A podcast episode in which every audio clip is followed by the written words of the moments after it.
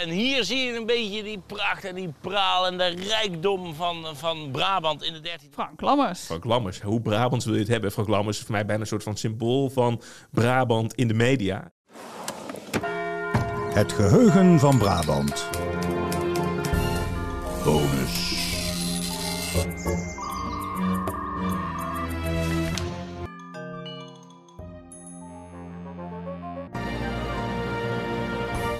Je luistert naar een bonus bij onze aflevering over Brabantse tv. Marilou praat nog even verder met Bjorn Bouwens van de podcast Daar bleef je voor thuis. Bjorn geeft een rondleiding door Brabant als tv-decor. Bjorn Bouwens, je bent een van de makers van de podcast Daar bleef je voor thuis. Je was al eh, te gast in onze reguliere uitzending en het was heel erg vermakelijk, want we zijn door heel wat stappen van de tv gegaan, specifiek ook eh, voor Brabant. Ja. En daar haken we nu weer een beetje bij aan, hè? want jij had het idee van Brabant als decor. Ja, en, en programma's die Brabant kenmerken in televisie. Want we hebben natuurlijk een paar dingen genoemd al in de reguliere show. Maar er zijn wel heel veel leuke dingen hoor. Ik, ik heb er een paar geselecteerd. Omdat ik dacht van ja, kunnen we nou een soort van tijdsbeeld ook maken. waarin Brabant te zien was. Ook op de grote landelijke zenders. We zijn hier erg gek op tijdlijnen, dus eh, wa- waar begint die bij jou? Gaan we in de jaren 70 gaan we Oké. beginnen. Dan gaan we terug naar de serie Marijntje Schijzens Jeugd. Zeiden wij met die pastoren visite? Dat is Marantje Gijzen. Ik ben een misdiender. Hm. Ook eens proberen. Nee joh, ik heb geen zin om misselijk te worden. Gebaseerd ook op een heel beroemd eh, eh, kinderboek. Eh, en dat brengt ons terug naar een klein eh, katholiek Brabants eh, dorpje. En eh, ja, hij is een beetje naïef, hè, die, die Marijntje. Heeft onvoorwaardelijk vertrouwen in de autoriteiten. Maar ja, ehm, zijn vriend Goort, de Kruik, die is eh, stroper en landloper, niet geliefd. Nou, en dan eh, gebeuren er allerlei dingen in acht afleveringen. Als je terugkijkt, trager dan traag dan traag. Maar Marijntje Gijzen, mijn, mijn vader had vroeger zelfs de bijnaam Marijntje Gijzen. Nee, echt? mijn moeder. Ja, is echt waar. En weet je waarom? Nee, dat nee, dan moet ik eigenlijk nog eens vragen. Ja. Maar dat noemen we altijd... Wil jij nog wat drinken, Marijntje Gijs? Dat werd vaak ge- bij ons eh, genoemd. grappig. maar het was eh, een van de eerste series die ik terug kon vinden, inderdaad. Die echt in Brabant de wortels heeft. Waarbij dat echt het decor vormt. En in het dialect, hè? En in dialect gesproken. Dat ja. vond ik ook wel bijzonder. Voor mij was dat gebaseerd op wat ze natuurlijk hadden gedaan met Bartje. Dat was ook zo'n serie uit Ja. die tijd. Eh, ik bid niet voor Brunnenbonen. Ja. En die was natuurlijk dan heel erg weer in eh, Drenthe gesitueerd. En ik denk dat ze ook dachten hé, maar we kennen nog een mooi boek. Ja, dat was natuurlijk het boek eh, van Marijntje Schijzens Jeugd. En dat werd dan verfilmd Ja, door de NCRV. Ja. En het staat allemaal, het is allemaal terug te vinden. Je kunt het helemaal terugkijken. Ja, de eerste vijf minuten kwam er alleen een boot voorbij. Toen ben ik verder gaan scrollen. ja. Je kunt je hele dagen ermee vullen. Ja, Ja. zeker. Hey, dan is het Marijntje Gijzen, dat is dan echt een soort eikpunt. Ja.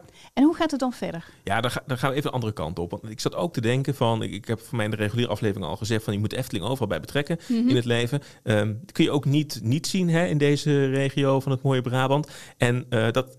Nou, dat pretpark, daar, daar zijn heel veel mediaproducties gemaakt. Maar zeker in de jaren tachtig was er in één keer de trend dat de Efteling vooral het decor moest vormen van allerlei amusementsprogramma's. Oh, ja. Dus wat me daarbij opvalt is, ken je het land was in de lucht nog? Mhm, zeker. Van de Tros. Ja. En eh, wat moest daar gebeuren? Ja, ken je de titels nog?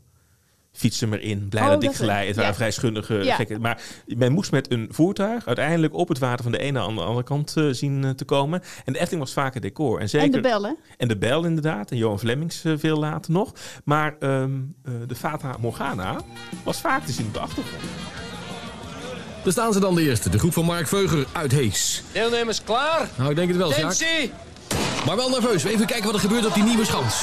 Dat was dat gemene van dat schansje. Even een opwipje en een leuke tijd. 10.63. Om te beginnen dan natuurlijk, hè. Dat zouden dan ook extra bezoekers naar de Efteling hebben getrokken? Ik denk, ja, want zo werkt het volgens mij echt nog. Als je dat gezien hebt, dat je denkt van, hé, hey, daar kunnen we wel weer een keer heen gaan. Ja. En dat gebeurde veel hoor. Kijk, je zou het nu niet meer kunnen denken, want je krijgt commissariaat van de media over je heen. Maar toen was dat best wel een mooie deal van, hé, hey, wij stellen onze locatie ter beschikking, kom hier maar opnemen. en dat, dat levert wel weer wat bezoekers op. En dat gebeurde heel veel, hoor, want zo heeft Ron Brandstede nog een zomer rondgelopen in de Efteling met het programma Way of Life.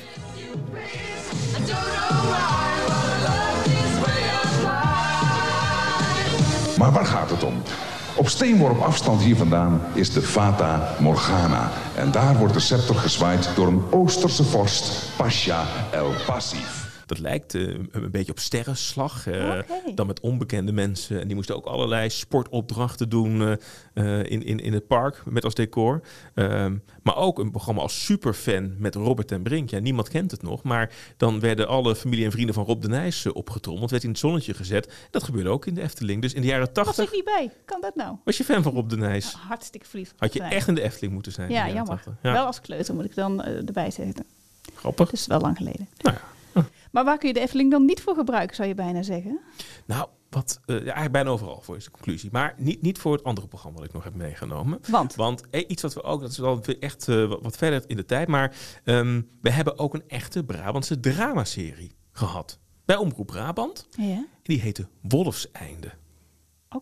Een fantastische serie over een burgemeester, gespeeld door Tanja Jes, in een lokale gemeente, al, al hier. Maar er was een, een, een trend waarin eigenlijk iedere regionale omroep ook zijn eigen dramaserie moest hebben. Dat ontstond volgens mij een beetje in Overijssel, waarin eh, eh, van Jonge Leu en Ole Grond werd eh, gemaakt. Naar een idee van Herman Vinkers. Mhm. En het was zo'n succes dat men dacht van, oh, dat kunnen wij dus ook. Dus kreeg Brabant voor het eerst Wolfseinde. Een eigen Brabantse regionale serie. En die is echt wel goed. Ja. Dus ook, eh, je kunt hem ook nog terugvinden. vinden als je hem niet gezien hebt. Ga Wolfseinde nog eens een keer kijken. Brabantser dan dat krijg je het niet. Welkom in ons prachtige Wolfseinde. Soms lijkt het donker zwaarder te zijn en klinkt de stilte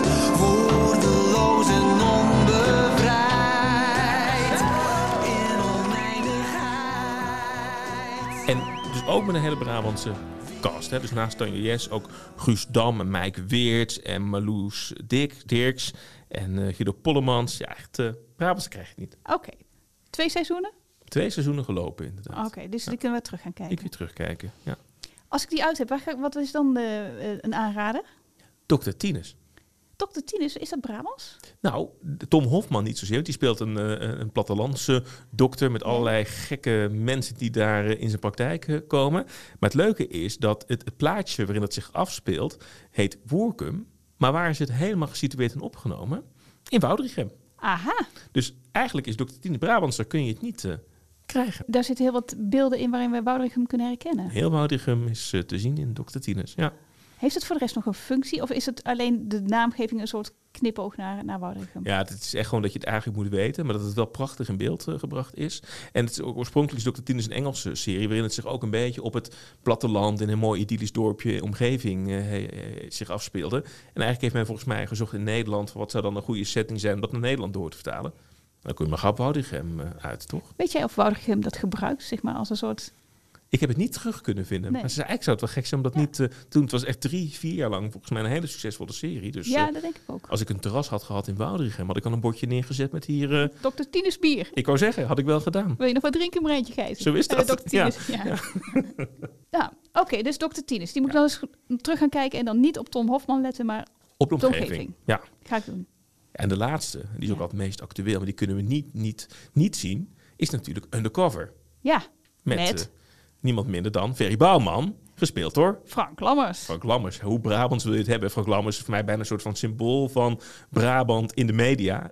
Als je die mensen gewoon betaalt en fatsoenlijk tevreden geeft in plaats van alleen maar die frikandellen, dan loopt er niemand weg. Natuurlijk een mooie bepleiter ook van, eh, van het Brabantse geluid. En ja, een internationale geroemde serie, hè, Undercover. Ik bedoel, Oh ja. Netflix maakt het. Het is niet voor een omroep gemaakt, maar de hele wereld. Ik weet niet of ze dan het goede beeld van Brabant krijgen met alles wat er gebeurt. Ehm, maar het is natuurlijk wel Brabantse, kan het bijna niet eh, zijn. En ik weet niet of eh nou, drugshandel en, en allerlei gewapende overvallen en het criminele milieu het mooie uitgangsbord zijn. Maar het is toch ook onderdeel van de omgeving en de cultuur. Dus eh Undercover hoort ook in dit rijtje thuis. Hoe belangrijk is dan zo iemand als Frank Lammers voor de provincie, denk je, op tv? Ik denk, want ook als je terug gaat kijken naar. eh, er zijn uiteindelijk eh, niet handen vol met, met Brabanders die eh, of ook landelijk het hebben gemaakt in televisie. Of laat staan dat ze een pleitbezorger zijn van het Brabantse geluid. Theo Maassen deed dat denk ik ook wel als cabaretier. Heeft ook nog een prachtige rol gespeeld in bijvoorbeeld Dunja en Daisy. Een Oh ja? hele beroemde serie van de NTR. Ehm, maar het was eigenlijk niet zo'n heel dominant geluid. En Frank Lammers, die, eh, ja, die ademt gewoon dat Brabantse geluid. Ik vind het superleuk dat hij eh, die rol wel pakt. Ja. Want het is natuurlijk wezenlijk anders, zit ik te denken, als nou ik even denk aan die 1, 2, 3 show, die ik er toch weer even in ga fietsen in de Liefkamp. Maar dan is het echt puur alleen het decor. Theater had overal kunnen staan. Met een serie als Undercover. Dan zit je ook echt, ga je langzaam in het DNA van de provincie. Eigenlijk wel. Inclusief alle mooie en minder mooie kanten die erbij horen. Je bent zelf eh, maker van een hele populaire podcast. Versterkt de podcast en televisie elkaar eh, op een enig moment? Nou, eigenlijk nog veel te weinig. Dus ik, ik vind dat er. Het enige wat nu gebeurt is, is dat men vaak ook bijvoorbeeld, of het nou een Vandaag Insight is of een slimste mens, dat men zegt van ja, uh, luister de podcast. Vaak is dat dan ook alleen maar een hele korte nabespreking. Of dat je alleen de audio van een bepaald programma nog een keer terug luistert. Ik denk dat er veel meer te doen mee zou zijn. Dus dat je ook.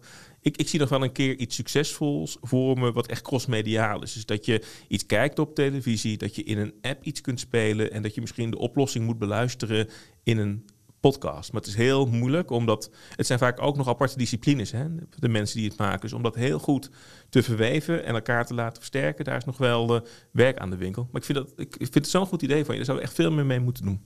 Maar probeer het een beetje bij het geheugen van uh, Brabant. Hè? Want we hebben de filmpjes die online staan en de verhalen die, die er zijn. En we verwijzen naar de archiefstukken. Bijvoorbeeld ook over de moord op Marietje Kessels. Heel tragisch. Maar ook wel uh, prachtig materiaal om daar een podcast van te maken. eigenlijk smaakt het naar meer, hè? Absoluut. Ja. We gaan verder, Bjorn. Zo zie je maar weer dat onze provincie vaak op onverwachte plekken opduikt. Hè? Uh, en anders wel de zachte G, van Marijntje Gijzen tot Ferry Bouwman. Mag ik jou hartelijk bedanken voor je komst. Graag gedaan. Ik heb veel geleerd, maar vooral ook met heel veel plezier naar jou geluisterd. Nou, dankjewel voor de uitnodiging. En succes met de podcast. Dankjewel. Je luisterde naar de bonus bij onze aflevering over Brabantse tv. Vond je dit leuk? Of vond je dit niet leuk? Zijn er verbeterpunten? Laat het ons weten via onze website big.nl slash podcast. En daar vind je trouwens ook de filmfragmentjes die we besproken hebben. Via de mail podcast.big.nl of schrijf een recensie in je podcast app. En in augustus hebben we natuurlijk weer een nieuwe aflevering voor jullie in petto. Een aflevering over een politicus, rechter, historicus, die als eerste in Brabant pleitte voor een rijbewijs. Wil je weten over wie dit gaat? Luister dan vanaf 7 augustus naar onze nieuwe aflevering.